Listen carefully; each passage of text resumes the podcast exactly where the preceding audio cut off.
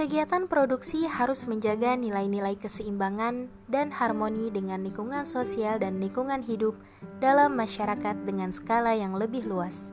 Selain itu, masyarakat juga berhak menikmati hasil produksi secara memadai dan berkualitas. Bersama saya Sri Wahyuni yang akan menjawab beberapa pertanyaan tentang analisa produksi.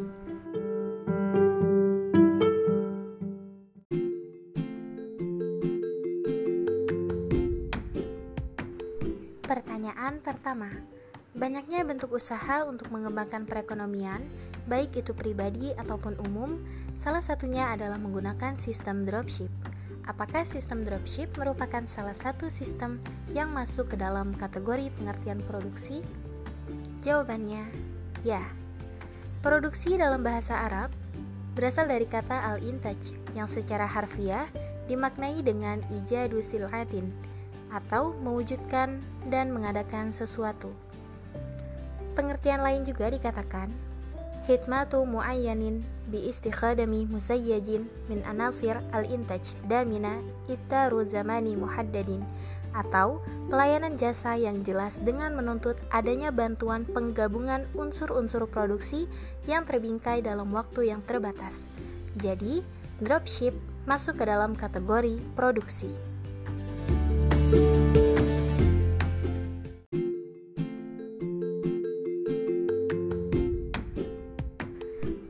Pertanyaan kedua. Menurut Abdurrahman Yusra Ahmad, tolak ukur produksi ialah yang mempunyai manfaat. Kita ketahui bahwa penjualan bahan sembako itu bermanfaat untuk orang lain.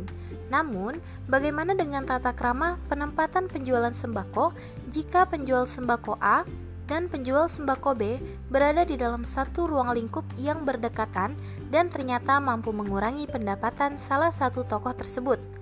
Melihat case di atas, apakah termasuk pengertian produksi yang baik menurut Abdurrahman Yusra Ahmad? Jawabannya, Abdurrahman Yusra Ahmad dalam bukunya Muqaddimah fil Ilmi Al-Iqtisad Al-Islami menyatakan dalam melakukan proses produksi yang dijadikan ukuran utamanya adalah nilai manfaat atau utility yang diambil dari hasil produksi tersebut.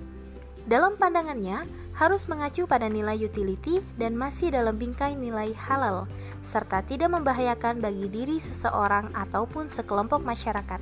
Jadi, dalam pertanyaan tersebut, sah-sah saja jika ada persaingan dalam lingkup jual beli, asalkan masih tergolong ke dalam hal yang halal.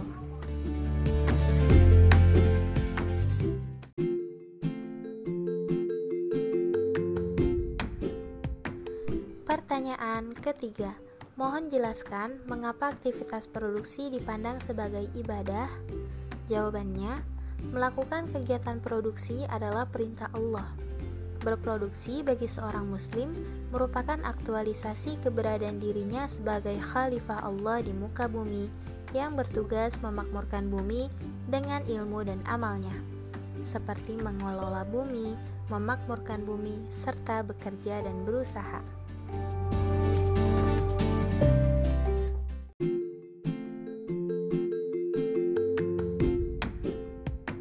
Pertanyaan keempat Bekerja untuk menghasilkan suatu barang atau jasa dalam rangka menafkahi keluarga adalah jihad visabilillah.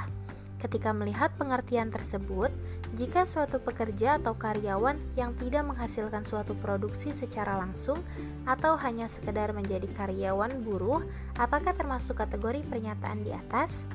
Jawabannya, ya, karena menjadi karyawan atau buruh semata merupakan bekerja dengan menghasilkan jasa, maka dalam hal ini juga termasuk ke dalam jihad visabilillah.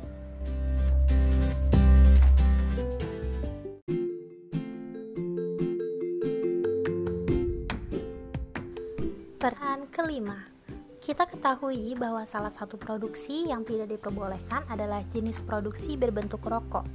Namun, kita melihat di Indonesia, pabrik rokok salah satu penyumbang pajak yang ada di Indonesia. Lalu bagaimana menurut Anda perihal kejadian tersebut?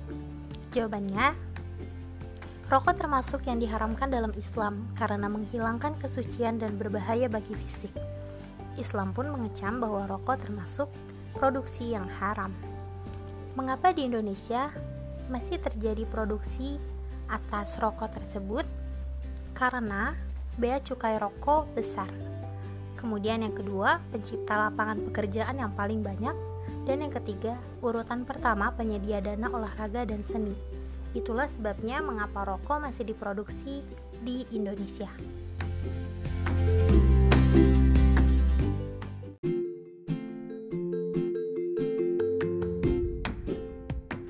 Pertanyaan ke-6 kita ketahui bahwa sistem ekonomi kapitalis dengan sistem perekonomian Islam sungguhlah berbeda.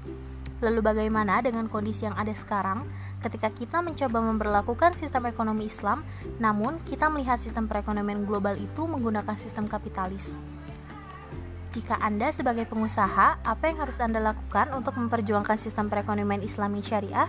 Jawabannya, cara memperjuangkan sistem perekonomian yang syariah bisa dilakukan dari pemahaman masyarakat tentang apa itu syariah dan bagaimana manfaatnya untuk lingkungan sekitar.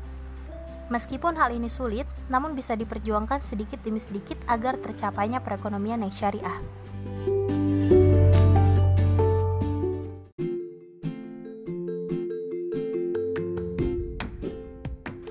Pertanyaan ketujuh Salah satu prinsip produksi ialah melihat ruang lingkup masyarakat atau ruang lingkup lingkungan supaya tidak terkena dampak negatif.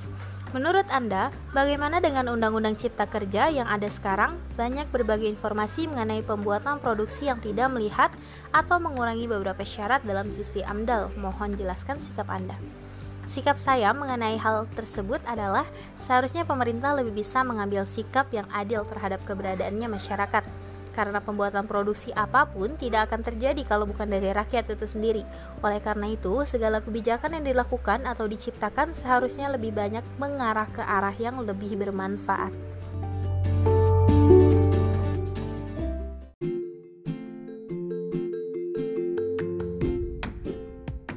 Pertanyaan ke-8 Salah satu tujuan produksi yang baik adalah mencari salah satu bentuk jasa atau pekerjaan yang dominan dalam kata keberkahan adalah menjadi seorang pengajar atau guru.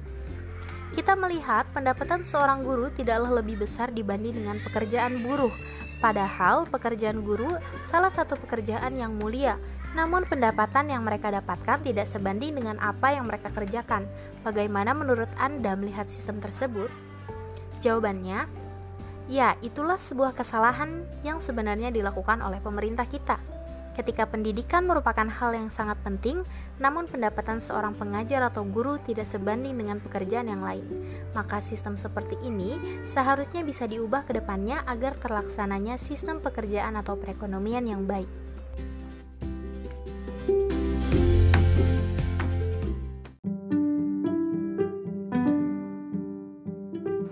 Oke teman-teman, terima kasih telah mendengarkan podcast ini. Semoga ilmu yang disampaikan dapat bermanfaat untuk kita semua. Kurang dan lebihnya mohon maaf. Sampai berjumpa di podcast selanjutnya.